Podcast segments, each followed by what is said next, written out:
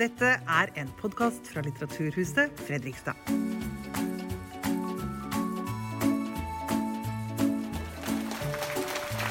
Endelig kan vi også ønske velkommen til Thorvald Steen og Finn Skårderud, som skal ta oss med på en visuell og mental reise inn i Bendik Ries kunstnerskap.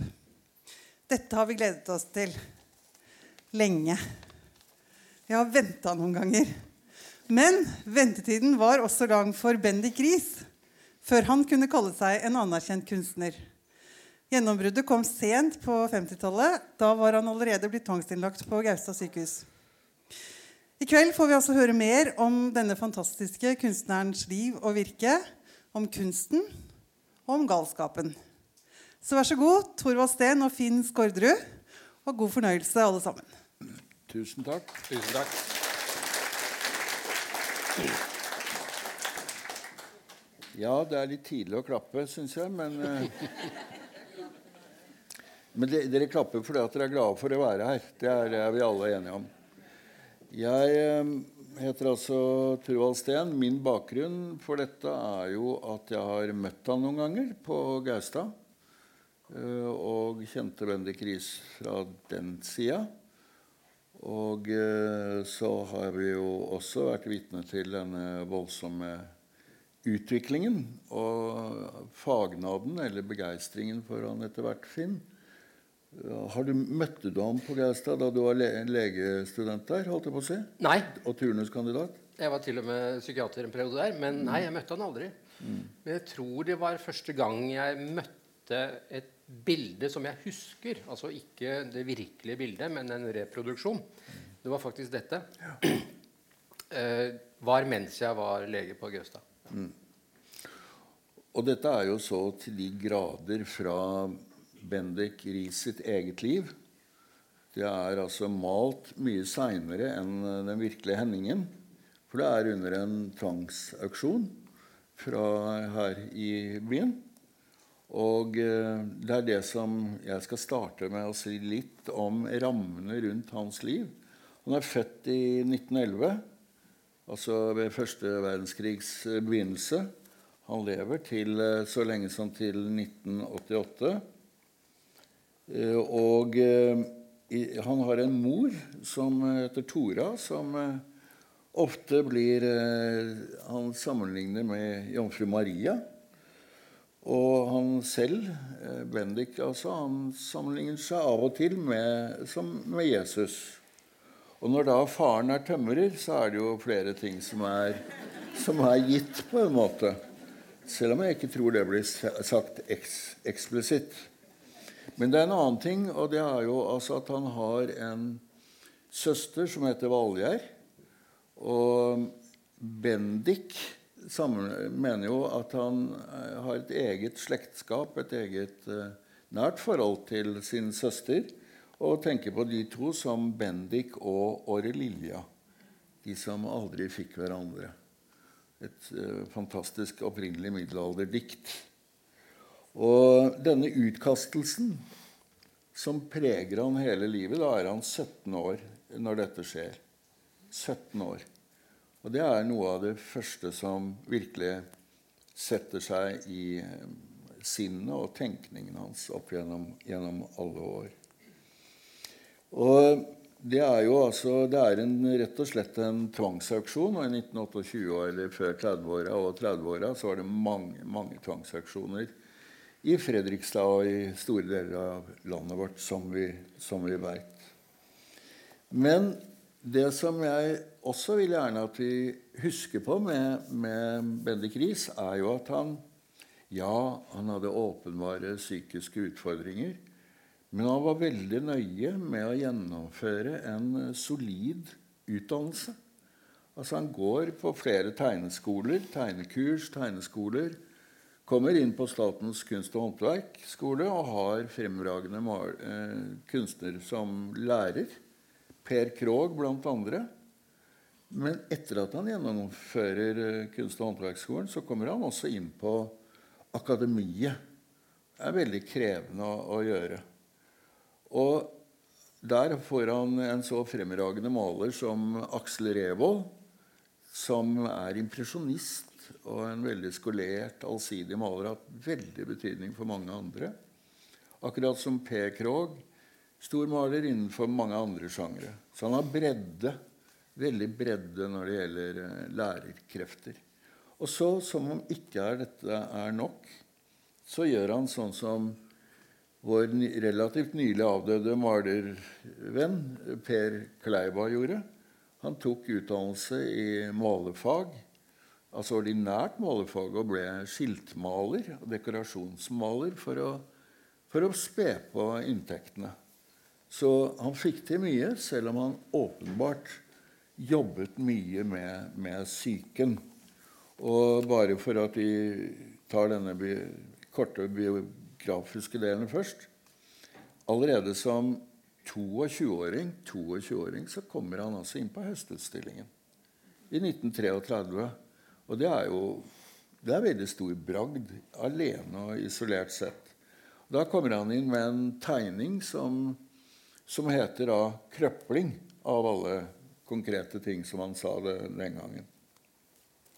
Så jeg eh, vil også nevne da at eh, etter denne utdannelsen så mens han er i Fredrikstad og har gjennomført en ganske solid utdannelse, en veldig solid, så er det også slik at søsteren hans har åpenbart psykiske problemer. Kommer etter hvert på VM, havner der og blir der store deler av livet. Men også moren har store psykiske problemer.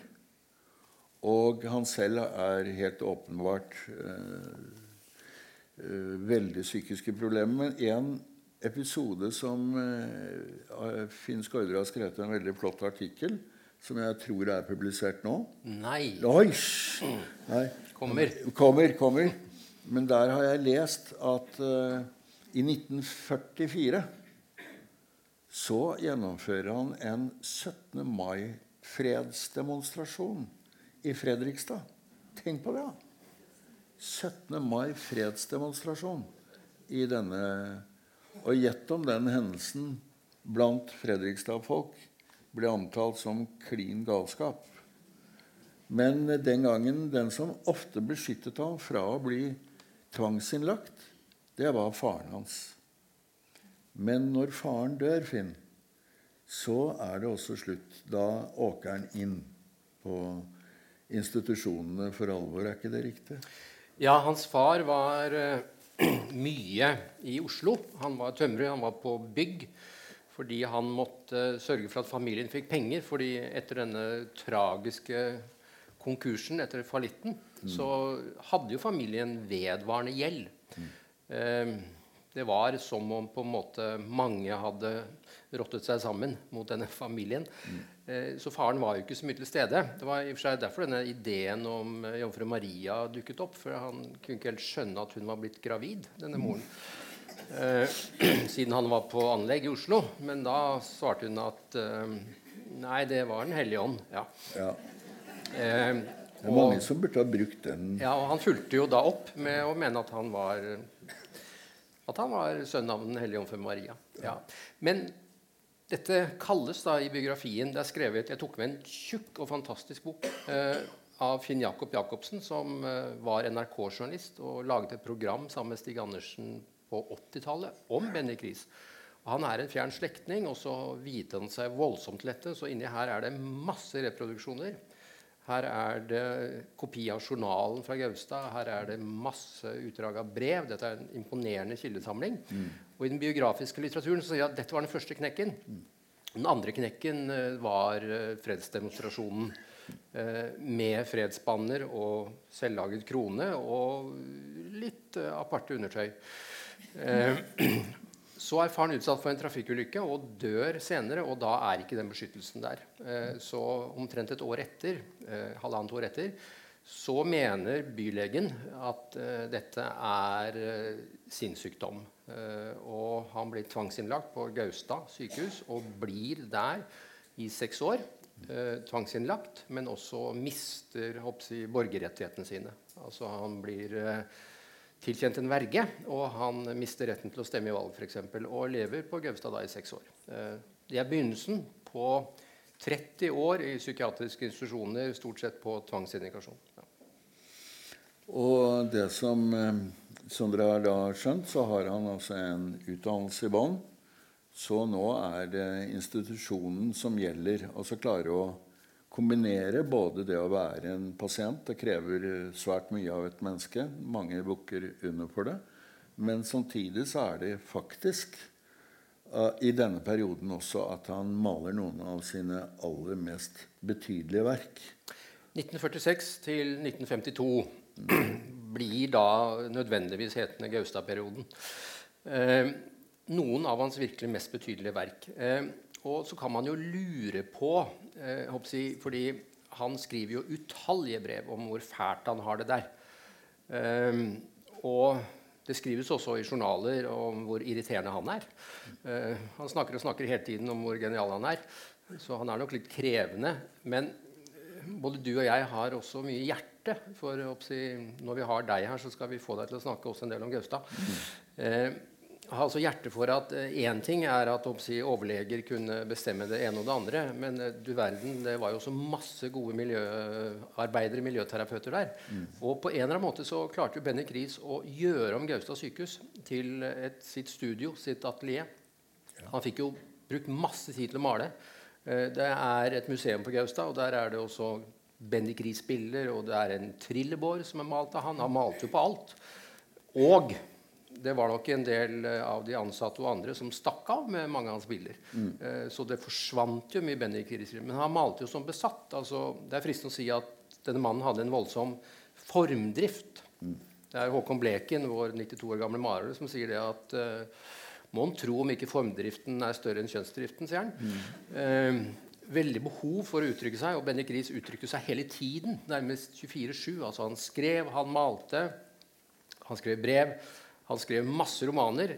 Ingen ble antatt. Mm. Eh, han er jo virkelig en grunnleggende avvist person.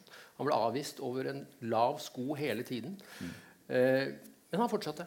Eh, men dette ble kanskje den viktigste tiden rent kunstnerisk. Og det, det, som er viktig å huske på når det gjelder Gaustad fra denne tida, det er altså en, Når vi er i 46, så har altså Gaustad fra 1941 under Ørnulf Ødegårds ledelse, eh, som for øvrig Bendik Riis ofte putter inn på et eller annet vis i sine malerier, og særlig et som vi skal se snart, eh, så er det sånn at på den ene siden så er sykehuset altfor Det er altfor mange pasienter der. Det gjelder å prøve å få roet ned eh, de pasientgruppene, som er mye mer enn det sykehuset var bygget for. Og da kommer noe av det mest kontroversielle som har skjedd innenfor psykiatriens historie, nemlig lobotomien. Som er noe som helt til da jeg begynte der i 1974, er noe som alle pasienter snakket om, selv om det i stor skala var nedlagt eller sluttet med lobotomi på de store avdelingene. Men for Bendik Riis var dette en åpenbart noe han fryktet mer enn noe fordi man fryktet at man kunne miste selvkontrollen, og at andre lobotomerte. Og selv i 74 så kunne man se pasienter som gikk på området med eh, store arr etter eh, lobotomi. Og lobotomi er rett og slett at du går inn i frontallappen, altså borer hull i kraniet, og, og, og retter på eh, deler av frontallappen. Det var så kontroversielt eh, at nevrokirurgene på Ullevål aldri ville gjøre det, mens nevrokirurgene på Riksen gjorde det. For etter oppdrag av eh, de eh, psykiaterne som hadde gitt dem eh, jobben. Da. Og da var det primært for å roe ned folk. Og for en eh, begavet maler så må det ha vært noe av den eh, ultimate mareritt. At eh, de tar rett og slett og fikser på hjernen din uten at du kan gjøre noe med det. I hans verden så, så var nok dette tilfellet, selv om det var krav om samtykke. Så hvem i hans familie kunne være i stand til det, ut fra det dere nå vet? Faren er død, mor er ikke helt seg selv alltid. Søstera er på VM. Og den andre søsteren eh, var frisk eh, i forhold, eh, men likevel Jeg skjønner svært godt at han var fryktelig engstelig for hva som kunne skje. Men det som eh, Finn var inne på i stad Parallelt med dette så er det også miljøer på Gaustad sykehus som er interessert i at folk skal Det er flere fremragende norske diktere på denne tida som er der. Eh, og det er andre malere. Mens eh, noen eh, F.eks. jeg har møtt en som var den viktigste, antageligvis. En kamerat av oss, Are Saastad, jeg driver og leter etter det nå. Det ble laget en malergruppe som var et fristed for, for, for ham, Bendik og som eksisterte i mange år under skredderen på Gaustad, William Berk som begynte altså faktisk rett etter krigen, altså i 1945. Så, så det var fristeder, og, og, og, de som var av eh, overleger og professorer, de hadde et sånn svakt Eller var positive til denne type aktivitet. For det hadde en lang, lang tradisjon på Gaustad helt siden sykehuset ble til i 1855. Så det, det er bemerkelsesverdig, men det er jo nesten sånn at dette er laget i denne perioden bak oss.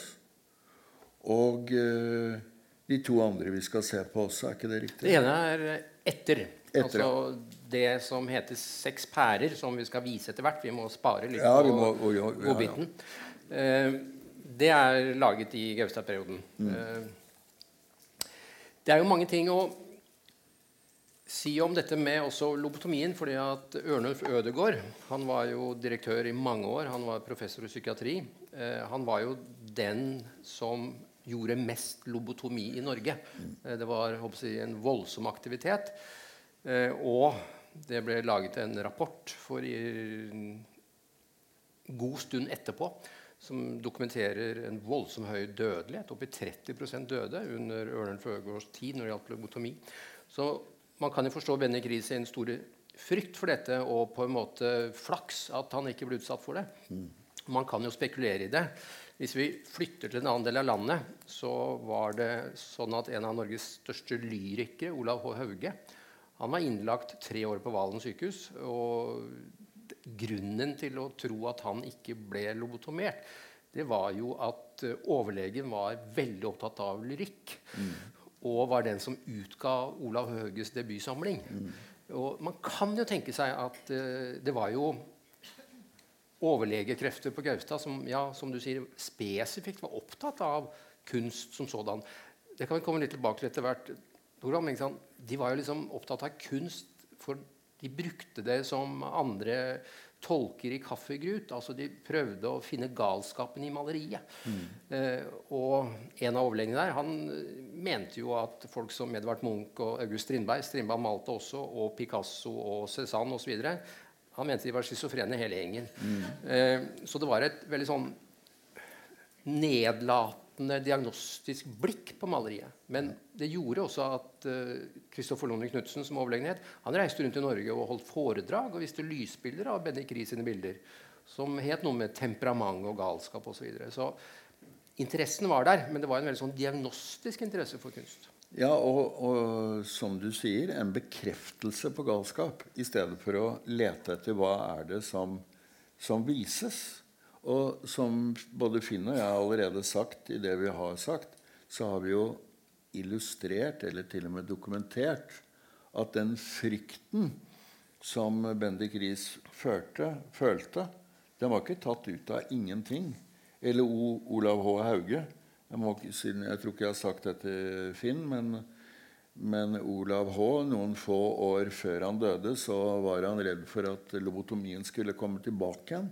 Fordi kirurger eh, på eh, Karolinska sykehus i Sverige Nå snakker vi ikke for så veldig mange år siden. De mente at nå kunne man gjennomføre lobotomi mye bedre. Fordi at grunnen til den høye dødeligheten det var infeksjonsskader under inngrepet. Det var hovedgrunnen. Og når du kunne operere med laser, så, så sparte man for, pasienten for veldig mye av de delene der. Så Olav H. han ga meg, jeg var da leder av Forfatterforeningen, mitt mandat var å forhindre at han ble lagt inn på en psykiatrisk institusjon. Og passe på at det var mitt jobb. Jeg skulle også ordne noen andre ting, bl.a. hindre at Norge kom inn i EU. Og, og noen andre ting, men det, ja, det gjorde, det, det gjorde jeg også der gikk det jo greit, da. Ja. Så, men i hvert fall dette er, dette er ikke tatt ut av ingenting. Og det er det som Derfor blir det, og akkurat som tvangsaksjonen Hvis man selv har vært utsatt for dette, så er det klart at dette er en fantastisk beskrivelse, syns i hvert fall jeg, av råskapen i at noen kommer, og du selv er et barn, et lite eldre barn, som ikke er skyld i noe av dette som er rundt deg. Og det ble vist for alle i Fredrikstad at nå er dette fattiglemmer som, eh, skal, eh, som nå blir sendt, som også har psykiatriske problemer og som sånn sett blir stigmatisert i et lokalsamfunn, enten det er her eller, eller der i landet. Altså I hele hans biografi så er det jo en voldsom familiekjærlighet. Mm. Eh, og så kan man tenke at ja, det var fordi at det var en kjærlig familie. Eh, men man kan nok i en viss grad også tenke seg at familien lukket seg om seg selv fordi den nettopp ble på mange måter utstøtt. Eh, for på en måte så var de litt aparte. Ja. mor, Tora Marie, hun har eh, en litt sånn snodig hatt der. Og hun hadde snodige hatter. Og hun hadde litt snodig oppførsel. Eh, det het at hun var veldig glad i fest eh, med boller og brus. Aldri alkohol, fordi de var veldig aktive i den lokale metodistkirka. Ja. Men de følte seg nok på mange måter utstøtt. Og når jeg, krenkelsen med fattigdommen og tvangsreaksjonen kom, så ja, de holdt tett sammen. Og spesielt tett ble jo dette forholdet mellom uh, Valgeir og uh, Bendik. Og det er sånn at noen biografer kanskje angrer på at de har skrevet og sagt det. Men det ble antydet at det kunne ha vært et incestuøst forhold en kort periode i tenårene. Mm. Men det var et evig bånd, og de satt på hvert sitt sykehus. De satt på Veum, der satt hun, og han satt på Gaustad, og de skrev desperate, lengtende brev til hverandre. Mm. I stor grad så ble jo ikke de brevene sendt. For den tok jo sensuren på Gaustad. Mm. Så da man begynte å gå inn i hans journal på Gaustad, så fant man jo masse usendte brev. Men man fant jo også uåpnede konvolutter. Mm. Altså man bare la de inn i journal og lot dem ikke gå videre. Eh, og familien stusset jo perioder. Hvorfor hører vi ikke noe fra vår sønn og vår bror? Nei, de ble sensurert. Klart at Noen kan man skjønne ble sensurert fordi de var stille til paven og Stalin. Eh, men et forsøk verdt det òg, da. Ja, jeg, altså, Vi har paragraf 100 i Grunnloven som heter ytringsfrihetsparagrafen, som tilsier at dette skal være lov. Og jeg husker eh, også fra den tiden jeg var medlem av Forfatterforeningens styre, og sånn, så hadde vi jo tre medlemmer som sendte brev til Bill Clinton i et sør, f.eks. Sånn at Det hvite hus kom med en protest til Den norske forfatterforeningen om ikke medlemmene kunne nå roe seg litt ned. Men altså, det måtte jeg skrive til president Bill Clinton. At sorry, lad, men vi har en paragraf som er krystallklar. Det må man få lov til. Så bare slapp av, dere, og lag en egen postkasse. Vil jeg også sagt så var jeg ganske bitter fordi jeg sammen med en kamerat sendte en veldig flott modell av Akershus slott til Jacqueline Onassis Kennedy da John F. Kennedy ble skutt. Og Det hvite hus gadd ikke engang å sende meg en takk for den fine isopor-skulpturen som vi sendte den gangen. Så hva er galskap, dere? Det er litt uklart noen ganger. Yes. Ja, det er jo uklart, da, fordi han ble av bylegen i 1944 etter den episoden med fredsvenndemonstrasjonen 17. mai, mm. så ble han jo vurdert til å være hallusinert. Eh, altså Det vet vi ikke noe om utover at bylegen skrev det. Ja. Eh, Bendik Gris drømte jo alltid om det store gjennombruddet, mens altså autoritetene i helsevesenet i Fredrikstad de var mer opptatt av det vedvarende sammenbruddet. Eh, og diagnosen ble jo schizofreni. Eh, og i henhold til datidens og i og for seg nåtidens kriterier så holder nok det. Men så spørs det hvor er interessen for hans måte å være på.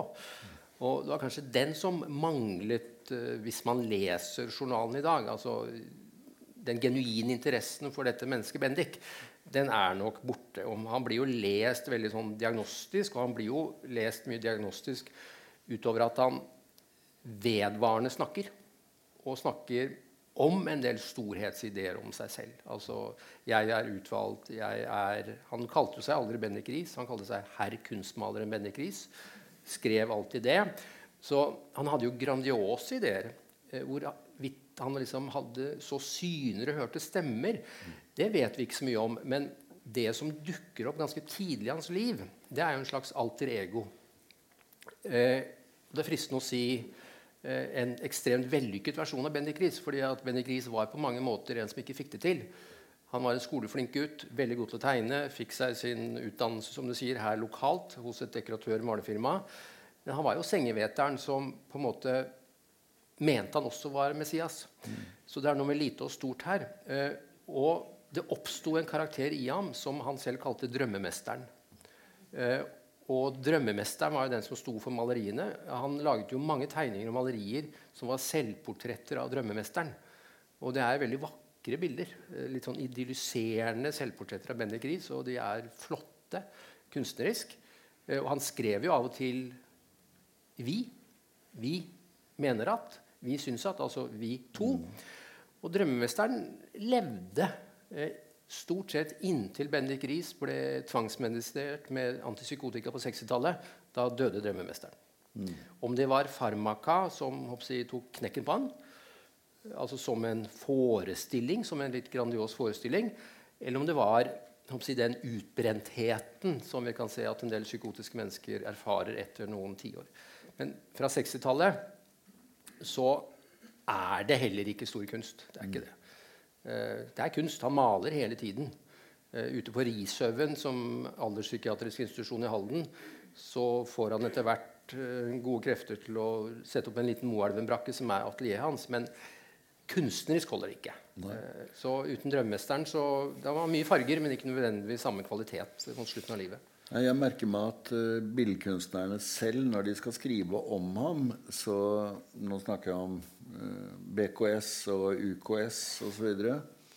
Deres egne organisasjoner da beskrives han ofte som kolorist fordi man ikke tar opp uh, det som har vært av den kontroversielle delen av kunsten hans, og som jeg mener at vi i ettertid mer og mer kommer til å gå tilbake til. Altså de, disse bildene vi ser her, og, og, kommer til å se her, at det er, de, det er storheten som jeg i hvert fall ser kunstnerskapet hans.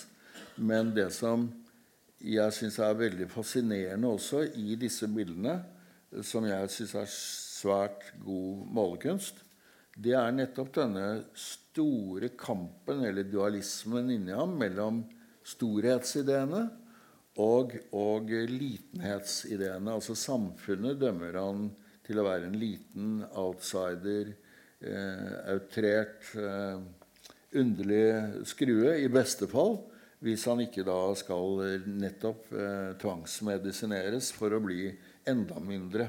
Mens han selv er veldig tett sammen med familien sin og sine nærmeste og har et veldig opphøyet idé om ektheten og kjærligheten blant hans nærmeste. Jeg møtte han i denne fasen hvor, eh, hvor han var veldig utbrent av eh, medisiner. Og nå snakker jeg om 70-tallet, eh, men primært på, på, på 80-tallet. Hvor da hans eh, gode venn William Bjerk eh, introduserte oss for hverandre. Da var han en klassisk Da hadde han et ansikt som viste at han, det ansiktet hadde fått ekstremt mye juling av medikamenter gjennom mange tiår. Og var sliten og leverte ikke veldig stor og viktig kunst. Men for meg var det viktig og interessant at han kom tilbake til Gaustad for å oppsøke et fellesskap og nærhet, selv om han har vært rasende på veldig mange av, av legene der, og med god grunn også, så oppsøkte han andre pasienter. og og jeg syns det er veldig interessant at når han møtte William Hjerk, den gamle skredderen som betød mye for ham, så, så, var han altså en utrolig snill, snill person overfor andre pasienter. Og han hadde også en verdighet, selv om noen vil si han var en, eh, snakket mye og var en skrue da også. Men himmel og hav, der kommer man for oss andre inn i en verdisituasjon. da. Eh, vil vi ha at alle skal være helt like eller ikke? Og jeg, Når jeg tenker på f.eks. denne 17. mai-demonstrasjonen eller markeringen hans under krigen, så er det jo en fantastisk en fantastisk performance. Altså, Hvem ville kunne gjøre det? Jeg kjenner én person ja, som gjorde noe som laget eh, ekstremt mye bråk. Det var Kjartan Slettemark. Altså, Han laget jo sitt Vietnam-bilde i 1965. Det utløste jo altså et bråk uten like. Jeg var til stede på Der var bildet sto nedenfor Stortinget. Eh, vi var ikke i krig med USA, men vi var altså til de grader den mest allierte av alle i verden med USA. Og Kjartan Slettemarks markering var ekstremt provoserende. Kjartan Slettemark laget også selvportrett som kongepuddel. Ja, ja eksempel. Og jeg vil bare nevne Christine Koht. Altså, hun er også en levende performancekunstner. Og noen har sitt å si om det uttrykket også. Så det er men, vanskelig. Du sier jo 'snill', og det fins jo ikke mye, men det fins biografisk litteratur. Ketil Bjørnstad har skrevet en roman om han, som er basert egentlig på kildematerialet til Finn Jakob Jacobsen. Eh, det kommer en TV-serie på NRK i høst om kunst, eh, hvor nålevende kunstnere får velge seg en avdød. Og Sverre Bjertnæs har valgt seg Bendik Riis. Mm. Eh, kommer snart. Mm. Og der blir det intervjuet folk som kjente han, og alle sier snill, snill, snill. snill. Altså Han var en fredsvenn, han var ekstremt snill og vennlig. Man hørte ham aldri si noe galt om konkrete mennesker. Han kunne si mye om systemer av type psykiatri. Mm. Men gjennomgående så var han et veldig ivaretakende menneske. Og den snillheten eh, ble han jo ikke møtt med. Han, det må være lov å si det her, Thorvald. altså Bortsett fra den store kjærligheten til familien så hadde han en fantastisk stor kjærlighet til Fredrikstad. Mm. Og den ble ikke gjengjeldt. Nei. Han ble på en måte avvist og avvist og avvist av sin eh, hjemby. Og kanskje var det noe av det som gjorde at han nærmest ble besatt av denne hjembyen. Eh, under høstutstillingen et år så gikk han bort til kongen og sa kan ikke du fikse en leilighet til meg i Fredrikstad. Eh, og han var veldig opptatt av å reparere dette kjøpe tilbake dette huset, om ikke det lot seg gjøre, få kjøpt et annet hus, og så han kunne få samlet sine søstre og familien der. Men i tillegg til snillhet, Finn, så, så, er det et annet ord som også går igjen, og det er ordet verdighet. Og det syns jeg også er Selv han, med det utgangspunktet, og med den eh, rå medisineringen han er utsatt for, så vil jeg si at det andre ordet, tvillingordet til snill, er verdighet hos ham, fordi han er veldig opptatt av det. Det er et æresbegrep, det er en æreskodeks i det. Men jeg vil si også dette med snillhet, fordi eh, både snillhet og verdighet er noe som jeg gjenkjenner på andre pasienter på Gaustad som jeg har sett. Jeg begynte å jobbe på Gaustad i 74 og har jobbet der i flere tiår. Eh, Riktignok flesteparten av dem som håndverker. Men nettopp en person som Arnold Juklerød en veldig kjent psykiatrisk pasient på Gaustad. Han var også akkurat den samme karakteren. De er veldig forskjellige som typer. Men for ham var det om å gjøre å vise alle at han var snill. Det han gjorde alltid, det var å passe på andre pasienter. Ba om trenger du hjelp. Skal jeg hjelpe deg med noe? Skal jeg hjelpe deg med å sy? Skal jeg hjelpe deg med å kjøpe noe til deg? Fordi han kunne sånne ting. Og så var han praktisk på mange andre områder. Og han karen, vår, vår venn i dag, Bendik, han var en som var kjent for å være dette. Han kunne også hjelpe folk som gjerne ville male. Være kunstmaler på et uh, staffeli og lerret. Og sånn sett var han en introdusør til malfaget og var Han var, helt, han var definitivt ikke skrytete når han altså tross alt bare så dere har det med, Han fikk altså en stor utstilling i levende live. Eh, han fikk være med på Venezia-biennalen, som betyr veldig mye i et billedkunstmiljø i Norge, i så seint som i 83. da. Så da var det ikke sånn at han brukte denne anledningen til å skryte og hovere. Tvert imot. Han stilte opp på amatørenes malerklubb på Gaustad for psykiatriske pasienter. Det er noe stort og verdig i det også. Absolutt. Så ga du stikkordet, Torvald, sånn uh, storhet og litenhet. Og ja Du var så hyggelig å nevne en tekst som kommer. Mm. Den kommer i en tykk bok som eh, er en bok om eh, Nicolai Tangens kunstsamling på Sørlandet kunstmuseum. Mm. Og der er det Benny Riis-bilder. Så jeg fikk en forespørsel om å begynne å skrive meg inn i dette kunstnerskapet. Og da blir jeg opptatt av nettopp litenhet og storhet. Altså fordi at han gikk jo på motgang hele tiden, og det var mye som jeg, var lite og vondt. Ja. Men på en måte så er det kanskje, og jeg har kalt det der overlevelseskunsten hans, nettopp å lage seg en storhet. Eh, så mange av bildene er jo idylliske, de er nasjonalromantiske, de er vakre. Eh, kvinner får menn. Han fikk vel ikke det. Eh, han fantaserte litt relasjoner til kvinner. Blant annet en av døtrene til en verge.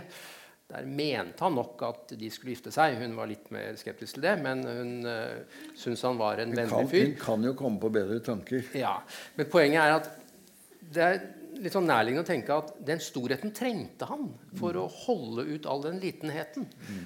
Så det er noe med stort og smått og lite og stort. Og det er klart at det er jo en del kunstnere som må ha en form for grandiositet hvis de skal orke å drive med det. Eller hvis du bestemte deg for å skrive et trebinds romanverk og skal sitte på rommet ditt i tre år og skrive det altså Du må jo ha tro på at det er ganske viktig. Så det er jo noe med den grandiositeten bar ham. Men den grandiositeten hadde jo ikke alltid belegg. Den ble litt stor i perioder. Eh, så det er nettopp noe med spriket mellom lite og stort som kanskje er spennende i hans kunstnerskap. Og derfor skriver jeg kanskje var det overlevelseskunsten hans. Han, han måtte det for å overleve, for å holde ut all all den motgang og alle de krenkelser han og familien gikk på om igjen og om igjen og om igjen. Men når, eh, vi må også ha med, Finn, at hva er Når vi har nevnt begrep da, som uh, vi sier her fra scenen, begrep som schizofreni og psykoser Og dette har ikke noe med å være psykopat, f.eks. Vi må lage litt sånn begrepsavklaring her. Og jeg syns for at dere skal få et innblikk i eh, hva f.eks. schizofreni er, så må dere huske på at også blant fagfolk har dette vært svært, svært vanskelig å definere hva det er. Jeg pleier ofte å huske for min egen del da jeg prøvde å sette meg inn i psykiaternes fag og psykologenes, så ble jeg veldig overrasket over eh, å lese en, en, en, amerikaner, jeg tror han er det, Theodor Sabrin, som hadde spurt eh, psykiatere i Storbritannia og USA om de kunne skrive en definisjon på hva er å være schizofren. Og Da spurte han 362 og fikk eh, like mange forskjellige svar. Og men det som var, så, så, gjorde han sånn som han gjør i veldig mange språkoppgaver. Altså hva er minste felles multiplum for hva disse psykiaterne svarer på dette? Og da svarer de eh, tankeuorden. Tankeuorden. Og dere må jo altså da huske på at um, det var et veldig lite teoretisk grunnlag å, å bryte seg inn i hjernen til en pasient og utføre en lobotomi. Og det å ta vare på kreativiteten og samtidig ha et veldig mekanisk oppfatning av hva et menneskehode er, det fører jo ofte til kollisjoner. Og han var jo et menneske, altså Bendik, et klassisk menneske som blir utsatt for en veldig type kollisjon da, i, i dette tankesettet her. Men psykoser, er ikke det Det kan da oppfattes Hva er det, Finn, også? Og hva vil du si til det jeg nå nettopp sa? Nei, for å være litt... Er jeg på jordet? Nei, du er ikke på jordet. Du er på scenen, faktisk. Ja. Ja. Uh, du er ikke på jordet. Uh, altså For å gjøre dette litt sånn folkelig Ja. uh, Jeg drev og kjørte legevakt i mange år ved siden av å være psykiater i Oslo. Så kjørte jeg legevakt i Østerdalen, og så om natta så ringer det en kar til meg og sier det gjelder en far, sier han. Og du må komme. Eh, han sier han, han har alt med henne. Han har altså alltid vært nervøs. Og nå er han overnervøs. Og om det ikke kommer nå, så blir han gæren. Eh, og det er jo på en måte en enkel psykiatrisk diagnostikk. Da. Altså, Nervøs, overnervøs, galskap. Og psykose er jo et faglig gal begrep for galskap. betyr du har mistet kontakt med en virkelighet. Altså Det er en realitetsbrist. Så fins det utallige varianter. Eh, du har vrangforestillingslidelser. Du kan ha ideer om at. Eh, og så er schizofreni blitt og har vært det i noe over 100 år eh, en sekkbetegnelse for veldig mye. Så mest sannsynlig så eksisterer ikke den diagnosen om ti år. Eh, fordi sekken er for stor. Det er for altfor mange varianter. Noen har tilbaketrekning, altså de isolerer seg fra samfunnet. Andre kan ha ganske livlige eh, ideer, forestillinger. Altså, på en måte så klikker vel Benny Kris inn her, for han har nettopp disse forestillingene om sin unike karakter og eventuelt det messianske. Altså at han er en Kristusskikkelse. Eh, men vi vet ikke så mye om han hadde det som heter halsinasjoner, hallusinasjoner, altså syn, hørsel osv. Eh, men det er en stor sekk for mange ting. I dag Det har vært 30 år med hjerne nå. altså I psykiatrien har det vært veldig med hjerne. Men nå tenker vi kanskje mer i retning av at det er en reaksjon på for mye belastning. altså Det er en overbelastningslidelse. altså Det er et sammenbrudd. Eh, og tanker kan forstyrre deg, du kan bli påvirket og andre ting osv. Men sekken er for stor. Men psykose er På østfolk så er det galskap. Og manisk depressiv, hva har det med dette å gjøre? Ja, På en måte ikke så mye med det. For hvis man tenker at det er en grov kategori da, som heter uh, type schizofreniforme Før det het schizofreni, så Og det har ikke noe med dette folkelige misforståelsen om at du har et splittet sinn. Føler meg schizofren. Det er bare tull. Slutt å snakke sånn. Uh, mens før, før, det så ble det kalt uh, demensia precox. Altså du har demensia senilis, senil demens. Og så ble det kalt tidlig demens. Altså fordi det debuterte gjerne hos 17-18-19-20-åringer, som det mest sannsynlig gjorde Riis. Og så har du en annen hovedkategori når det gjelder psykosetilstander, og det er jo disse svingningene manisk depressiv, som i dag heter bipolar. Så dette er to viktige former som du finner på hele kloden, og nok er funnet til alle tider. Men det er forskjellige ting man kan føle seg forfulgt av. Altså En eller annen gang så kunne man føle seg forfulgt av demoner. Jeg hadde vakt på psykiatrisk akuttavdeling den helga Tsjernobyl smalt. Skal fortelle deg hva de ble forfulgt av da. Og jeg har hatt en klimapsykotiker på tråden i det siste. Så vi formes jo av omgivelser. Mm. Men disse tilstandene de ligner hverandre på tvers av kulturer og tid. De gjør det. Du, Skal vi begynne å se på et bilde til? Vi må nesten gjøre det. Vi tar dette. Den. For nå er vi ja. Hvis jeg sa da at han laget mye overlevelseskunst. Så laget jo Bennik Riis mange bilder som vi kan kalle traumekunst. Mm. Som handler om Gaustad-tiden. Men dette er malt etter Gaustad. Altså etter at han ble skrevet ut. Han ble jo reinnlagt. Han ble skrevet ut i 52, og så flytta han til noen gode venner som tok vare på han på Malmøya. Og en hytte ble hans atelier. Og der malte han mye, bl.a. dette. Men der forfalt han også hygienisk og jeg, sosialt. Han, han, han, fikk ikke lov til å gå i butikken etter hvert, for han lukta ikke bra. Eh, altså, han klarte ikke å ta vare på seg selv, så han ble reinnlagt i 61, en kort tid på Gaustad. Ble overført til Dikemark. Og så for resten av livet sitt til Risløkken i Halden. Så det ble altså 30 år med psykiatriske institusjoner på han. Han maler en serie med bilder som ikke ligner de andre. Mm. Og dette her heter kastraksjon. Og han laget varianter av det. Eh, jeg har faktisk en venn, en kunstnervenn som er opptatt av psykiatri, som heter Per Inge Bjørlo, som kanskje er en av de virkelig største kunstnerne i dag. Han har en tegning av Riis som han fikk av Riis. eh, som er samme tema. Og det er bilder som heter viviseksjon, kastraksjon. Eh, ett heter eh, 1000 watt, ett heter 1100 watt. Det henviser til at han spesifikt erfarte eh, elektrosjokk selv. Det gjorde han første sommeren på Gaustad. Da fikk han en serie med elektrosjokk, og det står i journalen at han eh, snakker for mye, han bråker for mye og han krangler for mye. Så vi håper at elektrosjokk kan roe han. Så fikk han en serie sjokk den sommeren, og så står det i journalen nå har han roa seg.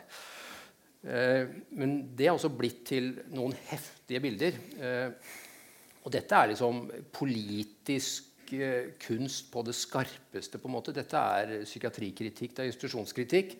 Eh, og en del av disse menneskene som er portrettert her, de er nok gjenkjennelige som ansatte leger på Gaustad i en viss grad. Og det er altså å skjære, kutte. Og vi har en, eh, kanskje den fremste riskjenneren i Norge, Jon Ove Steiøv, som nå jobber på Munch-museet og sikkert er opptatt med nytt hus. Han tok doktorgraden på dette. Han har laget flere viktige utstillinger. Han har nok en bok til på gang. Eh, og han eh, snakker jo også om eh, Kristusmotiver, altså offermotiver, henrettelser, korsfestelsesmotiver, som også går igjen i denne psykiatriserien her. Da. Det er brutalt, det er pissgul, sier kunsthistorikerne. Det er brunt, det er som avføring. altså Dette er liksom heftige bilder. Og kom i en serie. Ja. Men, men altså nok en gang eh, På en måte ser det jo vilt ut og galskapaktig ut. Men det er altså en eh, høyeste grad en realisme i bånn. Eh, jeg husker Jeg kan aldri glemme første gang jeg så noen få elektrosjokk. Og det er en ekstrem Jeg har flere venner som har tatt elektrosjokk eh, fordi at de har, at, de har trodd at dette ville være til nytte for dem. Og ingen grunn til å bebreide mennesker som eh, tenker på denne måten. Eh, Men eh, det er en veldig stor forskjell på å ta imot elektrosjokk, og du selv vil ha det, og en som ikke vil ha det. Fordi at hvis du har et hjerte eller en kropp og et hode som kjemper imot Altså hvis du blir tvunget ned, og så setter man på dette sjokket, så er det to forskjellige verdener. Hvis du har en kropp og et hode som selv er med på at 'dette vil jeg gjerne prøve', kontra å ikke ville prøve det, da, da er det en, etter min mening helt uetisk å gjøre dette overfor det hjertet som ikke vil. Så eh, jeg ødela en gang et elektrosjokk på Gaustad da jeg var hovedverneombud. Det ble jeg herostratisk berømt for. Jeg vet hva det koster av spetakkel. Men eh, den daværende overlege Retterstøl så på det som mer problematisk å bli kvitt meg enn å, enn å fortsette, for å si det sånn. Ja da. Men Finn, denne, dette bildet er hardcore realisme. Og ikke tatt ut av ingenting. Det mener jeg Finn til de grader har bekreftet. Men eh, vi må vel også se på det som vi syns er selve sviska her, da. Ja, og dette bildet altså Det fins i RIS-kretsen så fins det jo en veldig viktig skikkelse som uh, utover Finn Jakob Jacobsen, som er fjernsletning, Stig Andersen, som jobber i NRK, Jon Ove Steie, som har tatt doktorgraden, så er det en Fredrikstad-gutt som heter Hans Rikard Elghaug, som har gjort en fantastisk jobb med å løfte frem dette kunstnerskapet. Eh, og han, som driver Grev Edels plass auksjoner, hadde dette bildet til salgs i fjor vår. Og da var det en lurifaks da, som ble sjef for dette oljefondet etter hvert, som het Nicolai Tangen, som fikk dette til en solid pris. Eh, og da ble det en del oppmerksomhet rundt dette bildet der. Eh, det Og dette er fra Gaustad-perioden. Ja. Husker dere? Den oppmerksomheten interessen rammet meg, blant annet, så jeg begynte å plukke opp igjen gammel uh, RIS-litteratur jeg hadde. Jeg bor på en tidligere husmannsplass ved Gaustad sykehus, og jeg tusla de 100 meterne ned og fikk lov til å begynne å kikke journaler igjen osv. Og, så videre, og, så og dette er et fantastisk bilde. Litt av poenget ved det er at det ligner ikke noe av det ellers han har gjort. Eh, Hans Rikard har sett en versjon med bare to pærer, for øvrig, som nok er et forarbeid. Uh, jeg fikk lov til å se et bilde av bildet, som er i privat uh, eie i dag. Men dette er altså et stilleben, som heter. da. Det er jo tysk. og på fransk heter det 'nature mort', altså na naturlig død. Det er liksom stiligere, syns jeg, eh, Torvald, på engelsk, som heter 'still life'. Altså det er fortsatt liv. Ja. Eh, og det er jo en malerkunst som handler om at du maler matvarer og andre ting. Og hvorfor pærer? Jo, kanskje var pærer de hadde på Gaustad den dagen. da. Og så har han malt seks pærer på et rom som jeg tror du kjenner igjen. Ja. Kan ikke Det- du si det- noe om det, da, som heter Ja, dette rommet her det er rett og slett eh, annen etasje på G-bygget. Og er forbløffende likt første etasje, som også ser sånn ut. Det er eh, tolv stykker som bor på hver side av veggen eh, midt i. Altså 24 i alt. Og så er det to, tre isolater i tillegg på den avdelingen. På G2 øst og G1 øst. Og det er tilsvarende på G1 og G2 vest.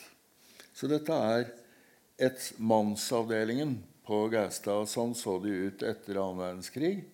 Og de av dere som har sett um, 'Gjøkeredet' med Jack Nicholson, så, så kan jeg fortelle, som begynte der i 74, at det dere ser på filmen, er fins ikke noen overdrivelser i det hele tatt. Men dette er avdelingen hans. Og det er akkurat samme avdelingen, paradoksalt nok, som også Arnold Juklerød kommer i eh, noen, ja, 15 år etter at eh, han er der. Og, og det er mange andre som eh, har hatt noen strie runder der. Og det er altså avdelinger hvor eh, man kunne også oppleve i etasjen under at folk som var såkalt åndssvake, gikk sammen med folk som hadde mye ressurser. Som eh, flere, som, eh, som Bendik og som en Arnold og mange andre. Og ikke minst så var det veldig få eh, pleiere, eh, utdannede pleiere. Mens det var veldig mange unge mennesker som eh, jobbet der som pleiemedhjelpere på denne tida. Og som betød mye. Det betød mye for dem. Mange av dem er sentrale leger i dag. Eh, og sykepleiere og andre som jobber i helsesektoren. Og det ble også et sånt underlig og, og viktig nærhet for disse menneskene. For de ble jo også overgitt av sine familier. Veldig mange unge mennesker eh, satte, var jobbet der med glede at, i høytider. Fordi at det var en meningsfylt måte å, å feire jul eller påske på. Fordi at man visste at disse familiene ville ikke komme til å besøke dem. Og flere hadde ikke hatt besøk på 15 år og sånn. Men hadde altså unge som jobbet på avdelinga, som tok dem med ut, tok dem med til kantina, eller til og med kanskje dro på Vinneren. Av og til var det noen som tok med pasienter på en flytur. Eh, Du, vi var eksempel, ja, ja. ja, vi var veldig få som gjorde det, men eh, det var jo en herostratisk berømt flytur. Så jeg skal ikke underslå at eh, det var en krevende jobb for, eh, for flyveren når vi kom med fire hardbarka pasienter som, eh, som vi, jeg hadde overtalt ledelsen på sykehuset til at disse skulle få være med på en privatflytur. Og så hadde flyveren sagt nei, men så sa jeg at de er så snille og greie at ikke tenk på det. Men det var noen av disse pasientene som ble litt for glade når vi kom opp i lufta. Og en av dem hadde en trist bakgrunn fra krigen som sa at ja, Torvald, nå skal vi bombe Dresden. Da, var, da ble flyet litt urolig, men eh, vi landa jo på et vis. Da. Men det var altså både alvor det var, Poenget var at det var mye nestekjærlighet og veldig mange pasienter som tok vare på hverandre. Og her er det sånn som Bendik var en sånn type, og mange andre også. Så det var, det var veldig sammensatt. Og det er rørende å se nå som psykiatrien virkelig er i en eh, ekstremt presset situasjon, hvor vi trenger døgnplasser mer enn noensinne, og det nedlegges, så er det mange av disse som kommer tilbake for å prøve å redde det som reddes kan av det som var gamle Gaustad. det som nå er for seint på VM, for å si det sånn. Stilleben. Eh, det fins en stor stilleben-maler maler, som den franske Cézanne. For første gang jeg så et av hans bilder av epler, så tenker jeg at uh, de eplene har jeg veldig lyst på. De er finere enn de som er på butikken. Det er ikke sånn med disse pærene. Jeg får ikke lyst på de pærene. Uh, men det er kanskje et av norsk kunst mest fantasieggende bilder. Og det er jo din gamle avdeling. Uh, der har han malt 32 bilder som henger på veggen. Her står uh, Megler Smekk fra tegneserien Knoll og Tott. Her er det pinnedyr. Her er det en versjon av Rodins 'Tenkeren'. Her er det liksom en uendelighet av mye rart. Så kan man si er det galskap, er det hallusinasjoner, er det lek osv. Eh, prislappen står på, Bendik Riis, og det skal til Fredrikstad kunstforening. står det. Ja, dit kom det. Det står også at det skal, skal til Høstutstillingen, og dit kom det. Det står også at det skal til Roy, Victorian Albert Hall. Dit kom det ikke. Det kom til Nicolai Tangen. Uh, det er to øyer, dette bildet. I den versjonen bare med to pærer så er det bare ett øye. Uh, de ser på deg på en spesiell måte i øynene. Dette er et portrett av overlege Ørnulf Ødegård. Ja. Dette, ble, dette malte han i Gaustad-tida. Eh, så da var det noen som sa, konfronterte ham med du har jo malt Ørnulf Ødegaard. Så sa han nei, nei, nei, nei han, det er ikke Ørnulf Ødegaard, det er Shakespeare. eh, Shakespeare Six pairs. Seks pærer.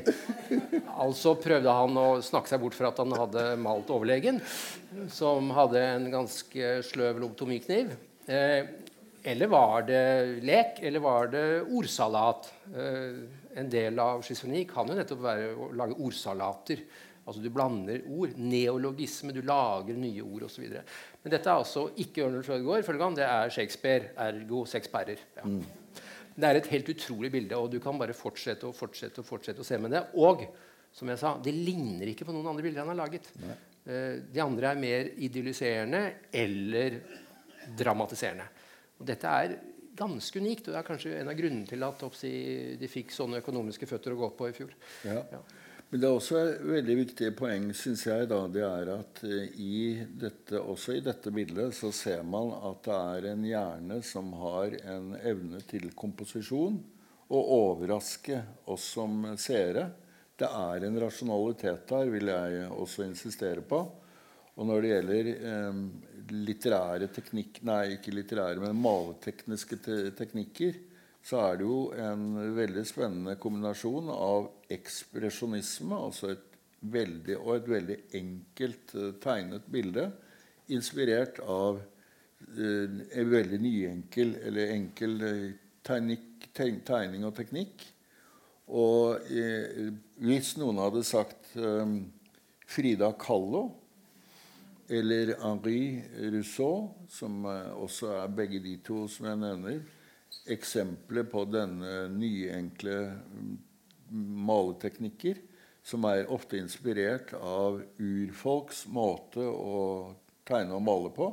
Som f.eks. Edvard Munch og Toulouse-Lautrec og Paul Gauguin var veldig inspirert av. Så er det veldig fort å se dette og f.eks. det første vi så på, auksjon trekkes, eh, kan trekkes inn i en sånn, sånn ramme. Da. Akkurat som jeg syns at kastraksjon i midten er et veldig klassisk ekspresjonistisk maleri. Sånn at han er også en åpenbart eh, Har han peil og kunnskaper og håndverket når det gjelder de opprinnelige kunstneriske retningene som han er et, tross alt også et barn av. Eh, det syns jeg også er viktig å påpeke. Ja, absolutt. og uh, Nå nevnte jeg Per Inge Bjørlo, som er en veldig viktig samtidskunstner i dag. og Han sier at vi kunstnere vi, vi så veldig fort Bendik Rie sine kvaliteter. Altså ja. Man så veldig tidlig dem. Så eh, Sånn sett så er Bendik Riis også en slags trist skillingvise fra Fredrikstad. Nemlig at den virkelige anerkjennelsen den kommer jo nå. Mm. Aldri for sent, sier folk. Jo da, det ble for sent for han. fordi uh, han fikk med seg Venezia-biennalen osv., men uh, hans største problem med det var nok å tørre å gå gjennom sikkerhetskontrollen på Fornebu. Fordi Ja. da var han så full av smitteangst og fobier osv. Så, videre, så han fikk jo ikke anerkjennelsen til rett tid. Eh, men kunstnere har sett kvaliteter veldig tidlig hos han, så det, det er jo høy kvalitet på veldig mye av dette. Og vi snakket litt om dette med psykiatri og kunst. altså Det er jo et enormt spennende område i seg selv, og Gaustad har hatt viktige malere. Eh, Hertevig fra Stavanger-regionen f.eks. Det er en god stund før. Men det er jo skrevet bindsterkt om eh, psykiatri og kunst. Og noen gjør det da, sånn som en Gaustad-overlege gjorde eh, med hans bilder, nemlig å diagnostisere dem. Oi, en gullfiolin hos Bendik Riis, og så finner han en gullfiolin hos den svenske Erland Josefsson. Aha, ko-ko. Eh, altså sånn tegn på galskap. Eh, mens det fins en veldig viktig eh, skikkelse som heter Hans Prinshorn. Som eh, først studerte filosofi, så studerte han kunst, så studerte han sang, og så ble han psykiater. Eh, på et universitetssykehus i Heidelberg. Og prøvde å forene alle disse interessene. Og klarte å samle inn 5000 bilder fra psykiatriske institusjoner fra hele Europa. Og begynte å studere dem. Og han var ikke opptatt av å diagnostisere, men hva kan disse si? Og det han var opptatt av, var nettopp at eh, disse bildene viser noe som går litt i oppløsning. Og han knyttet det til ekspresjonismen i kunsten. Han sa at hos disse kunstnerne, eller pasientene, så er det virkeligheten deres som går i oppløsning. Men hos ekspresjonistene, altså på rundt århundreskiftet og etterpå, så er det kulturens tradisjonelle verdier som går i oppløsning. Dermed så begynner en som Munch å løse opp ting, og så begynner andre å løse opp. altså at og Da er man mer interessert i hva de prøver å si, og ikke om hvorvidt de er syke. Og Det tror jeg er veldig sånn viktig å ikke ha et diagnostisk blikk på det, men et interessert blikk på det. Men det minner meg på at uh, i forhold til mitt forhold til eh, psykiatere og, og de som drev Gaustad på, på begynnelsen av 70-tallet, så var det jo for det første var det jo en demonisering av ofte av pasienter, og at man hadde en ekstrem tro på at man kunne forstå alt. Eh, På Gaustad var det tre, i en periode tre overleger som mente at de kunne sette diagnosen på Sigurd Jordsalfar, Vidkun Quisling eh, og en del andre personer. Og innenfor psykiatri og psykologi så bør det være ganske elementært at det er en fordel at man har møtt pasienten før man lager diagnosen. Og, men det hadde de ingen som helst problemer med. De skrev bøker om dette i ramme alvor. Mens det som er tilfellet nå med, med generasjonen til Finn, er jo det at eh, nå kan man snakke med psykiatere om, eh, hvor, eh, om hvor lite vi egentlig vet om et menneske. Og da blir det en atskillig sunnere opplevelse når man møter eh, fagfolk som uttrykker nysgjerrighet, og ikke er skråsikre på hvordan du skal lage kart av hjernen til disse folkene. Jeg var på et eh, i, dag, eh, I forrige uke så var jeg på, skulle jeg forelese for folk som blir psykiatere. Og jeg må si det var en, en åpenbaring å se hvilken mentalitetsendring som har skjedd da, siden eh, Finn og jeg var med i en bok som heter 'Asylet', som handler om Gaustad 150 år. Og det som har skjedd etter det, har vært en, en sånn sett en gledelig utvikling, tross alt. Så jeg er lei meg for rett og slett, at når det gode er at vi er kommet tilbake til Fredrikstad. Eh, dette er jo en, jeg håper en innledning for at eh, Fredrikstad skal kunne gjøre enda mer for sitt bysbarn. Men det som tross alt er bra, det er at eh, mange Det er et helt annet eh, et helt annet apparat når det gjelder hodene til de som var så skråsikre om hva som feilte Bendik i sin tid. At det er mer ydmykhet nå. Ja, jeg merker at nå eh, er vi i ferd med å avrunde Ja. denne dialogen. Det er bare fristende å si at uh, Bendik Riis hadde nok uflaks med hvilken epoke han traff samtidens psykiatri i. Den var veldig biologisk. Uh, så elektrosjokk ja, det er en metode som brukes mye i dag. Mye mer enn folk er klar over. Eh, lobotomien er ute, selv om ja, de drev og fikla med det på Karolinska. Eh, men det var jo mye sjokkterapier. altså Det var insulinsjokk, det var kardiasolsjokk. altså En idé om at man kunne sjokke folk friske. Mm.